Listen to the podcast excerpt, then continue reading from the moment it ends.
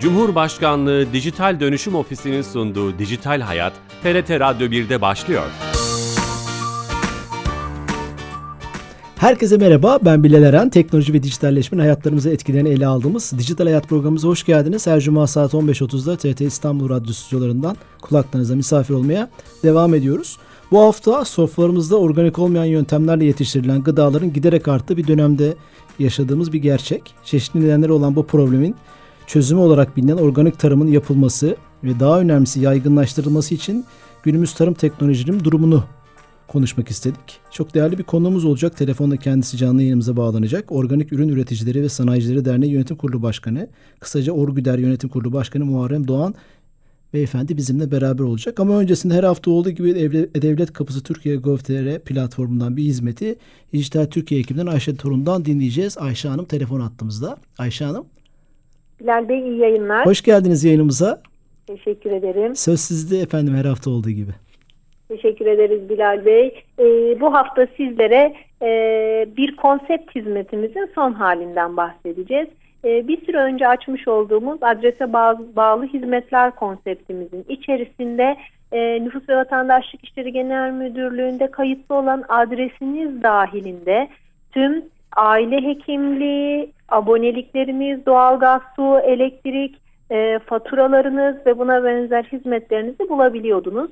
E, son dönemde yapılan çalışmalarla e, devlet kapısındaki belediye hizmeti sayısı arttı. E, şimdiye kadar görmüyorsanız bile artık e, adrese bağlı hizmetlerde kendi hizmetlerinizi de belki görebilirsiniz.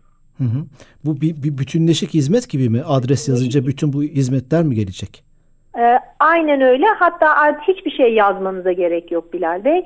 E, hizmete tıkladığınız zaman sistemde kayıtlı olan adresiniz dahilinde tüm abonelikleriniz, tapu bilgileriniz, belediyeye dair e, işte borçlarınızdan tutun verginize kadar her şeyinizi görebiliyorsunuz. Adres tabanlı merkezi bir evet. aslında hizmet olmuş oldu. Çok teşekkürler. Harika görünüyor.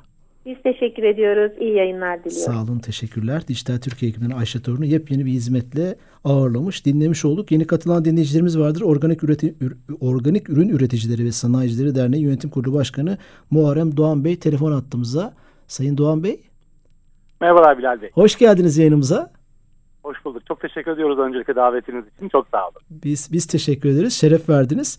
Ee, organik tarımı konuşacağız. Ee, konuşmak istedik. Ee, ilk önce tanımla başlayalım mı? Organik tarım hiç kimyasal gübre e, kullanmadan, ilaçla yap, ilaçlama yapmadan, hormon kullanmadan yapılan bir tarım mıdır? Böyle çerçeveleyebilir miyiz? Genel olarak çerçeveleyebiliriz ama en özet haliyle şudur e, organik tarım insan sağlığına ve çevreye zarar vermeyen, üretimde hiçbir şekilde sizin de belirttiğiniz gibi kimyasal girdi kullanılmayan, e, GDO'dan, hormondan, kalıntı ve pestisitlerden tamamen ari ama asıl önemlisi üretimden tüketime kadar her aşaması kontrollü ve, ve sertifikalı bir e, tarımsal üretim biçimidir. yani aslında organik üretim sadece insanı değil aynı zamanda doğayı da korur. Bu anlamda sürdürülebilir yaşama en çok desteği veren ekosistem.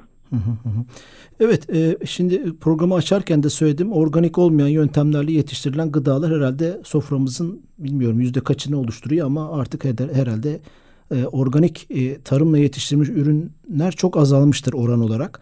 Peki meselenin ortasından soracak olursam organik tarım e, çok e, anladığım kadarıyla e, motivasyonu yüksek ve hani herkesin istediği bir şey. Peki bu dünya nüfusunu doğurabilecek e, durumda mı organik tarım?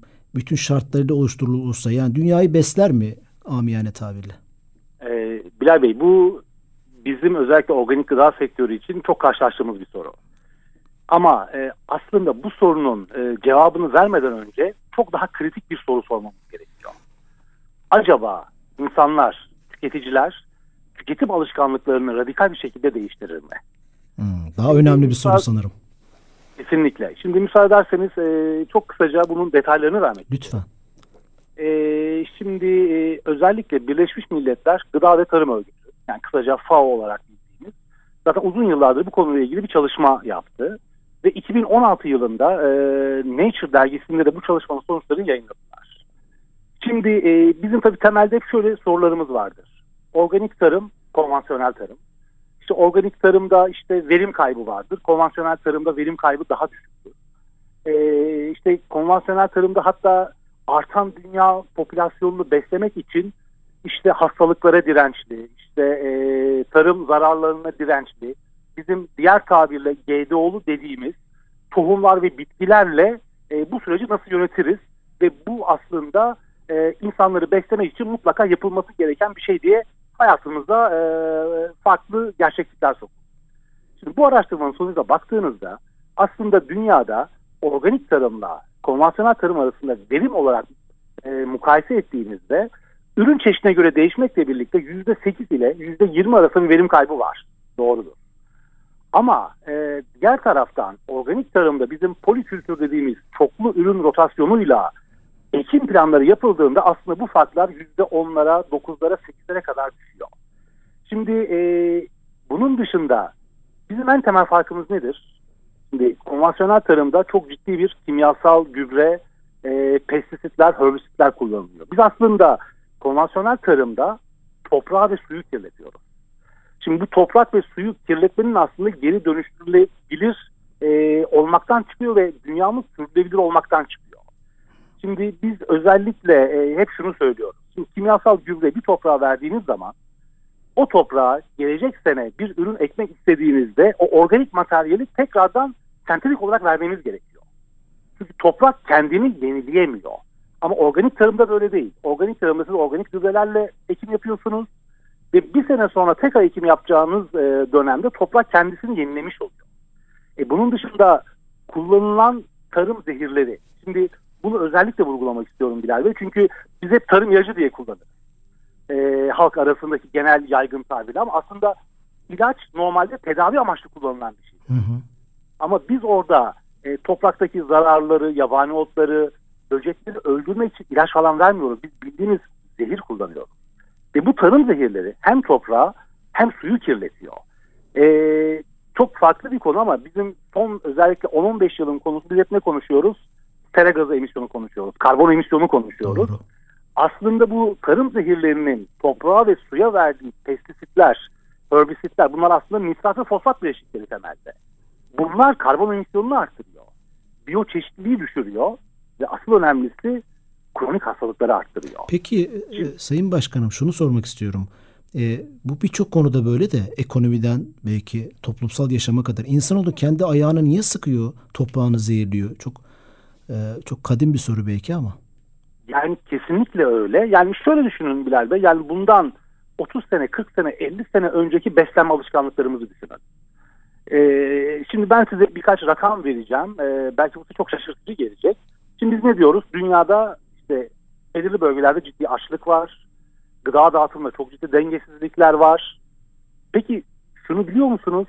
Dünyada şu anda mevcutta ekilebilir tarım arazilerinin %67'si hayvan beslenmesi için kullanılıyor. %67'si. Evet. Ee, onun dışında şu anda dünyada üretilen, bu da çok enteresan bir rakamdır. Toplam antibiyotiklerin %63'ü hayvanlara veriliyor. Şimdi ben özellikle bu rakamları biraz daha sindirilsin diye üstüne basa basa söylüyorum. Ama sonuçta biz zaten eğer tüketim alışkanlıklarımızı değiştirmezsek e, tabii ki organik tarımın yaygınlığından bahsedemeyiz ama tüketim alışkanlıklarımız değiştiği takdirde sonuçta insanoğlu beslenmek zorunda. Ve bunun içerisinde protein en temel e, gıda kaynaklarından birisi. Protein almak zorundayız. Net. Ama bu proteini hangi kaynaktan alacağımızın tercihi aslında bize kalmış durumda. Bu proteini hayvan bazlı olarak mı almalıyız? Yoksa hayvan bazlı proteini belirli bir seviyede tutup bitki bazlı proteinlerle mi beslenmeliyiz? Biz aslında bu dengeyi kurabildiğimiz takdirde organik tarım evet dünyayı besler mi? Besler. Ama tabii ki organik tarım yani dünyadaki bütün e, tarım alanlarını organiğe çevirdiğimiz takdirde yapılan genel araştırmalar şunu söylüyor. Aslında dünyadaki tarım alanlarının %70-72'si dünyayı beslemeye yetiyor. Ama bizim burada konuşmamız gereken farklı birkaç konu daha var. Bunlardan bir tanesi, en önemlilerinden bir tanesi gıda israfı. Onu başkanım ona girmeden önce şöyle doğru mu anlıyorum? E, siz aslında konvansiyonel tarıma geçmemizin e, buradaki e, mecburiyetimizin tırnak içinde nedenini gıda alışkanlıklarımıza, tüketim alışkanlıklarımıza ve hayvansal beslenmeye bağlıyorsunuz. Yani dünya nüfusunun büyük kısmı hayvansal gıdaya daha fazla ilgi gösteriyor. Bunun da bir sürü nedenleri olabilir. Sadece belki tüketenlere değil, tükettirilmeye çalışılan onlara da dayanmak lazım, konuşmak lazım. E, hayvansal gıda tüketimimizden dolayı mı konvansiyonel tarımda ısrar ediliyor, ayağımıza sıkıyoruz? Doğru mu anlıyorum? Yani az önce verdiğim rakam bunun en temel en e, temel şeyi. belirtisi. Yani dünyadaki tarım arazilerinin %67'sini biz hayvan beslemek için kullanıyoruz. Evet. Düşünsenize çok, çok yani net. bu buradaki oranı %30, %25, %40 bile düşürseniz aslında e, geri kalan tarım arazilerindeki üretilen ürünlerin çok ciddi bir e, miktar olduğunu zaten göreceksiniz. Organik tarım bu gıda şeyini karşılamayacaktır. Gıda kültürünü, yeme içme kültürünü karşılamayacaktır. O yüzden e, çözüm olarak görülmüyor mu bu soru mu? Yani şöyle söyleyeyim aslında bu biraz da e, nasıl söyleyeyim yani medya etkisi demek istemiyorum ama tüketicilerin algısıyla e, ilişkili bir şey. Yani sonuçta biz özellikle son 15-20 yıldır 25 yıldır bir tüketim toplumu olduk. Bu sadece Türkiye için değil tüm dünya için geçerli. E, işte et tüketmek bir statü sembolü oldu en başında e, ve şu anda gittikçe et tüketimimiz artıyor. Ama sonuçta biz yani ben kendi çocukluğumu e, size çok kısaca anlatayım. Ben e, Ankara'da büyüdüm. E, çocukluğumda tavuk ve kırmızı et sofralarımıza bizim her gün girmezdi. Ayda belirli günlerde girerdi. Ekonomik ama, nedenlerden dolayı mıydı? Ekonomik nedenlerden dolayıydı. Tabii ulaşabilmek çok kolay değildi ama sonuçta biz o dönemde proteinsiz mi kaldık? Hayır. Bizim diyetimizde ağırlıklı olarak bakliyatlar vardı. Yani Anadolu'yu düşünün. Anadolu bakliyat evet doğru. Bir bulgurun, bir fasulyenin, mercimeğin, nohutun olmadığı bir sofra düşünebiliyor musunuz? Biz sonuçta protein ihtiyacımızı ağırlıklı olarak bitkisel kaynaklı e, kaynaklardan, ham maddelerden ama ilerleyen dönemde tüketim alışkanlıklarımız değiştiği için e, maalesef e, et tüketimine yöneldik. Bir de şöyle bir şey de var Bilal Bey. Şimdi sonuçta biz neyi konuşuyoruz? E, sera gazı etkisi konuşuyoruz, toprak konuşuyoruz, hava konuşuyoruz ve su konuşuyoruz. Şimdi karbon ayak izi ve su ayak izi diye hayatımıza yeni kavramlar giriyor. Doğru. Yani bir kilogram etin üretilmesinde 15 bin litre su gerekiyor desem aslında dünyadaki içilebilir su kaynağının dünyadaki tüm suların %2'si olduğu düşünüldüğünde acayip bir yere doğru gidiyor. Buraya da bu da tüketim alışkanlığımıza yani gıda tüketim alışkanlığımızı çıkıyor bu yolun sonunda. Evet kesinlikle. Bir anlamda. Ama tabii ki dediğim gibi yani organik e, tarıma geçiş konvansiyonel arasındaki konvansiyonel tarım arasındaki verim farklarını minimuma indirebiliyorsunuz. Organik tarımın şöyle bir avantajı da var. Organik tarım aynı zamanda daha çok iş gücü kullanımı anlamına geliyor. Şimdi sonuçta siz bir organik e, arazide ekim yaptığınız zaman orada eğer yabani otlar her tarlanın e, gerçeğidir mutlaka çıkacaktır. Ama bunu bir e, tarım zehiriyle tamamen sıfırlamak var. Bir de mekanik yollarla elle çapalayarak temizlemek var. Örnek olarak veriyorum ama orada siz o gıda zehirlerini kullanmadığınız için o gıda zehirleri toprağa, suya ama asıl önemlisi insan vücuduna girmiyor. Hı hı. Şöyle düşünün Bilal Bey. Şimdi biz şu anda işte genel kanun nedir? Organik ürünler konvansiyonel ürünlere göre pahalı. Evet pahalı. Neden? Çünkü üretim prosesi farklı ama asıl önemlisi ölçek ekonomisi.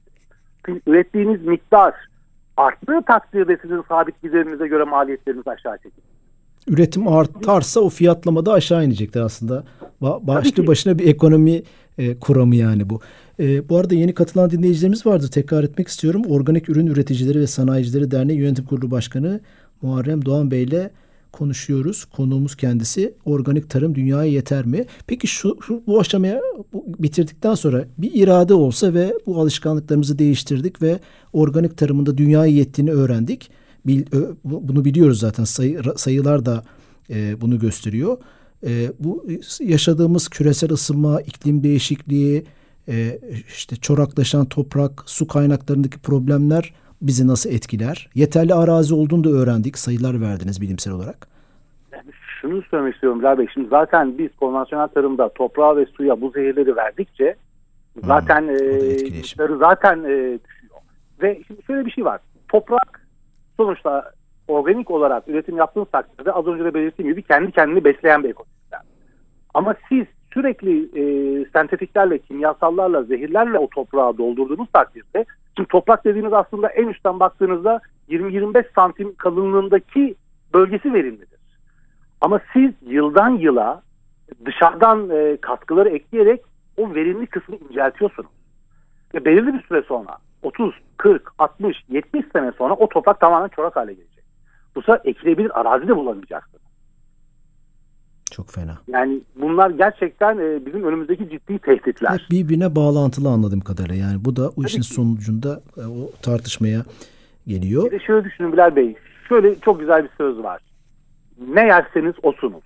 Şimdi sonuçta siz eğer tarım zehirleriyle e, dolu olan ürünleri yediğiniz takdirde belki genç yaşlarınızda bunu fark etmeyeceksinizdir ama ilerleyen yaşlarda bu kronik hastalıklar olarak karşınıza çıkacaktır. Şimdi şöyle bir e, temel matematik hesabı. Diyeceksiniz ki organik ürünler pahalı ben konvansiyoneli tercih ettim ama ilerleyen yaşta bu sefer hastane, doktor ve ilaç sarmalından çıkamayacak. O sarmala belki de birileri tarafından e, şirketler veya bunu iş modeli olarak sokuluyor da olabiliriz tabii. Bunun farkına varmak e, kıymetli. Peki bu e, aslında belki siz onu söyleyecektiniz. Organik tarım e, dediğiniz şartlarda olgunlaşırsa ve yaygınlaşırsa bu gıdaya ulaşımdaki adaletsizliği de e, ortadan kaldırır mı? O konuda bir çözümü var mı? Zaten organik tarımın temel e, filozofisi şudur. Lokal üretim, lokal tüketim. Şimdi endüstriyel ölçekte yüz binlerce dönüm arazide konvansiyonel tarım yapılabilir. Evet organik de yapabilirsiniz ama sonuçta organik tarım aslında aile çiftliklerini daha çok destekler. Yani siz sonuçta lokal olarak üretip lokal tükettiğiniz takdirde zaten hem bölgenin kalkınmasına destek oluyorsunuz hem de bütün ihtiyacınızı aslında kapalı bir ekosistemden karşılayabiliyorsunuz. Ve işin sonucunda da e, tarım zehri girmemiş ürünleri e, yemiş oluyorsunuz, tüketmiş oluyorsunuz. Bu birinci kısmı. İkinci kısmı evet gıdanın adil dağıtımı ve gıda israfı. Şimdi sonuçta dünyada e, Birleşmiş Milletler raporu yaklaşık 1 milyar ton gıda her sene çöpe gidiyor. Hiç sofralarımızı bile görmeden. E şimdi e, gazetede, medyada takip ediyorsunuzdur. Türkiye'de sadece meyve sebzenin lojistik problemleri veya işte tarladan alıp sofraya götürülme sürecine baktığınızda o ürünlerin %35-40'ı daha sofraya ulaşmadan çöpe gidiyor. Yani Türkiye'de 2021 yılında 7.7 milyon ton gıda çöpe gitti Bilal Bey. Ve hem de sentetik veya işte sizin tabirinde konvansiyonel olmasından uzun daha uzun ömürlü olur değil mi? Organik tarıma göre e, e, konvansiyonel tarımın ürünleri e, bildiğim kadarıyla. Dolayısıyla ona rağmen Tabii, böyle. Aynen. Ö- özellikle ileri işlenmiş ürünlerde kullanılan koruyucular tabii ki ürünlerin e, raf ömürlerini e, farklılaştırıyor, arttırıyor. Ve yani şu rakam çok enteresan bir rakam. Dünyada geçen sene çöpe atılan gıdaların sera emisyonuna katkısı yüzde on. Eğer israf edilen gıda bir ülke olsaydı sera gazı emisyonunda dünyada üçüncü olacaktı. Dünyada üçüncü. Evet. Evet bu oranda çok yüksek. Ee, peki e, bu organik tarımın e, yapılmasında bugün insanla ulaştığı teknolojilerin e, katkısı olur mu? Teşvik edici rolü olur mu? E, bildiğim kadarıyla konvansiyonelde de tarım teknolojileri yoğun kullanılıyor ama e, işte drone kullanımı, e, akıllı tarım teknolojileri gibi birçok kavramdan ve araçtan çözümlerden bahsediliyor. Oradan o, bu konuda neler söylersiniz? Ee, şöyle belirteyim Bilal Bey. Şimdi sonuçta biz de sonuçta tarım yapıyoruz. Sonuçta konvansiyonel tarım e, kullandığı teknolojiler aslında birebir organikleri uygulamaları mevcut. Özellikle bizim tabii ki e, az önce de belirttiğim ölçek ekonomisinden dolayı üretim miktarları az olduğu için biz daha verimli üretim yapmak zorundayız. Bunun için bizde özellikle sulamada e, tarım teknolojileri yüksek oranda kullanılır. E, kullanılmak durumundadır. Çünkü su çok kıymetli e, ve topraktaki verimliliği arttırmanın en etkili yöntemlerinden bir tanesi. Bizim tabii ki e, üreticilerimiz arasında bir iki dönümde üretim yapanlar da var. 15-20 bin dönüm arazide üretim yapan organik üreticilerimiz de var. Müthiş. Burada e, drone teknolojisini şöyle kullanıyoruz. Özellikle ulaşılabilirlik anlamında e, dronlarla biz arazileri düzenli kontrol edip belirli bir yerlerde verimde çünkü sonuçta zaten ekili bir arazi üstten baktığınızda bile verimli yerle verimsiz yeri çok net görebilirsiniz. Acaba orada oluşan bir olumsuzluk mu vardır? Direkt gidip müdahale etme şansınız oluyor. Çünkü organik tarımda temelde e, tarım zehri falan kullanılmadığı için veya hayvancılıkta herhangi bir e, antibiyotik kullanımı olmadığı için biz hep e, önden e, korumak zorundayız. bunun için bizim kümeslerimizde de veya işte büyükbaş e, çiftliklerimizde de mümkün olduğunca bu teknolojilerden faydalanıp verimliliği arttırma yönünde çalışmaları üreticilerimiz her daim yapmak. Bir programımızda konu edinmiştik. Drone'la e, ilaçlama, gerçi bu da konvansiyonel tarımın bir çıktısı olabilir ama işte gübreleme gibi teknolojiler de ülkemizde de kullanılmaya başlamış. E, bu da herhalde... Günden güne de artacaktır. Hı hı. Günden. Ben sadece size şu konu hakkında farklı bir bilgi daha vermek istiyorum. Ee, şimdi dünyada bu gıda üretimi ve özellikle sera gazı emisyonları ciddi problem ve Avrupa Birliği bununla ilgili olarak 2019 yılında bir proje başlattı. Avrupa Birliği Yeşil Mutabakatı diye ortaya çıktı ve sonuçta yani sadece burada takdiri sizlere ve dinleyicilere bırakmak istiyorum. Avrupa diyor ki biz diyor 2050'ye kadar net karbon salınımını sıfırlayacağız.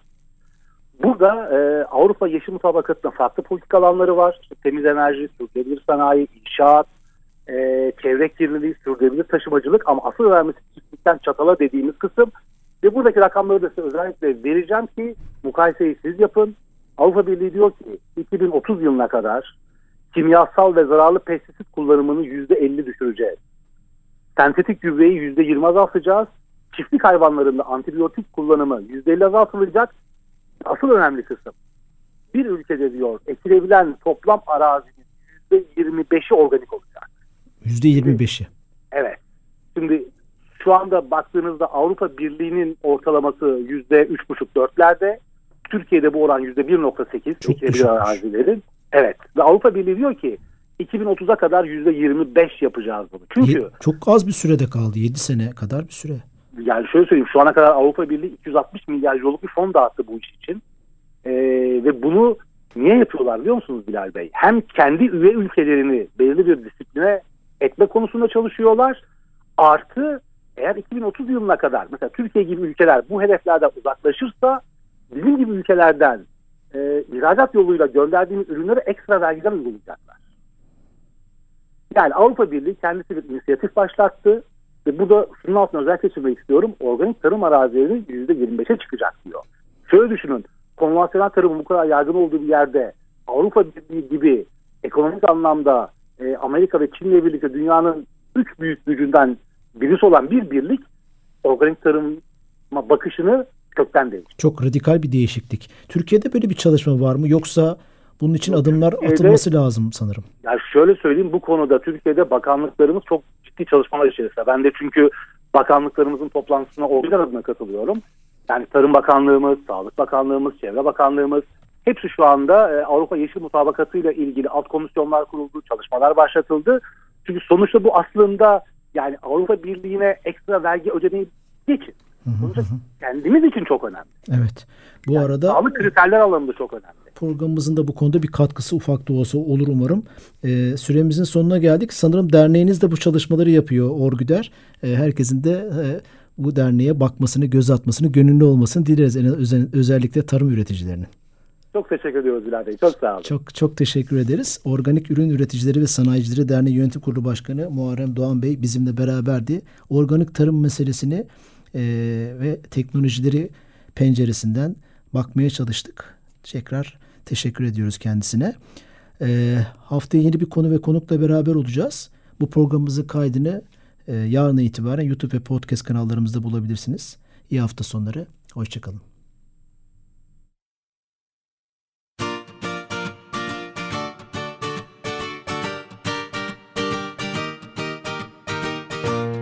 Cumhurbaşkanlığı Dijital Dönüşüm Ofisi'nin sunduğu Dijital Hayat, TRT Radyo 1'de sona erdi.